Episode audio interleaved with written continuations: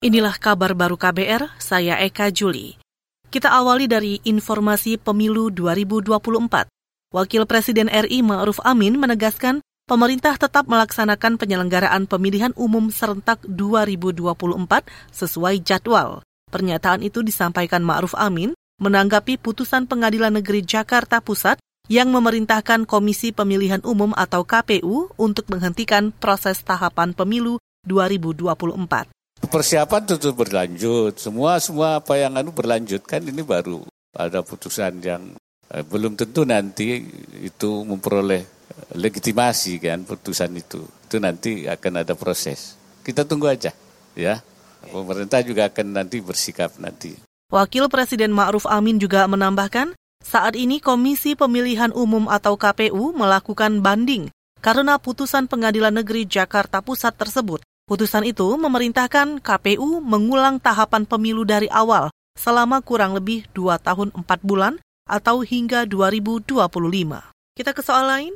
Pemerintah didorong memenuhi kebutuhan rangkaian KRL Jabodetabek selama dua tahun ke depan. Pengamat publik Agus Pambagio mengatakan dalam dua tahun ke depan ada kekosongan rangkaian KRL. Apalagi 10 rangkaian kereta bakal pensiun tahun ini dan 16 rangkaian pensiun tahun depan.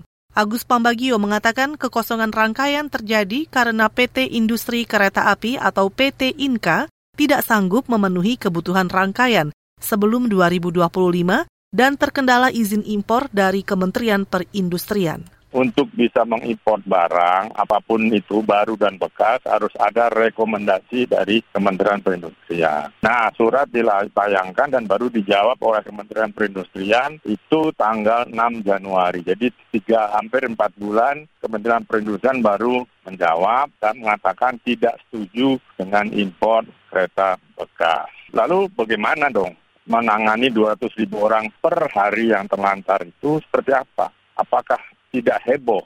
Pengamat kebijakan publik Agus Pambagio menambahkan, PT Kereta Komuter Indonesia bulan ini akan menandatangani kontrak dengan PT Inka untuk pengadaan 10 rangkaian kereta senilai 4 triliun rupiah.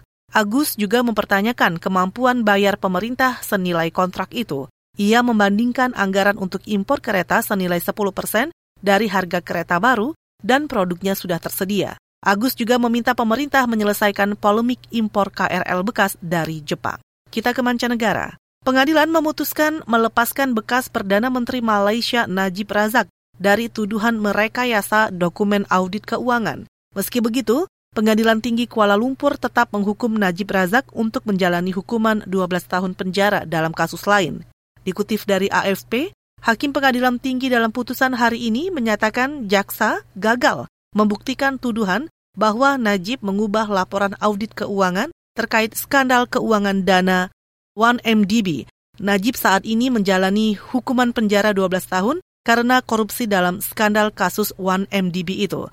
Najib Razak menjabat Perdana Menteri Malaysia pada 2009 hingga 2018. Ia dituduh kasus penyalahgunaan kekuasaan hingga terlibat dalam skandal 1MDB.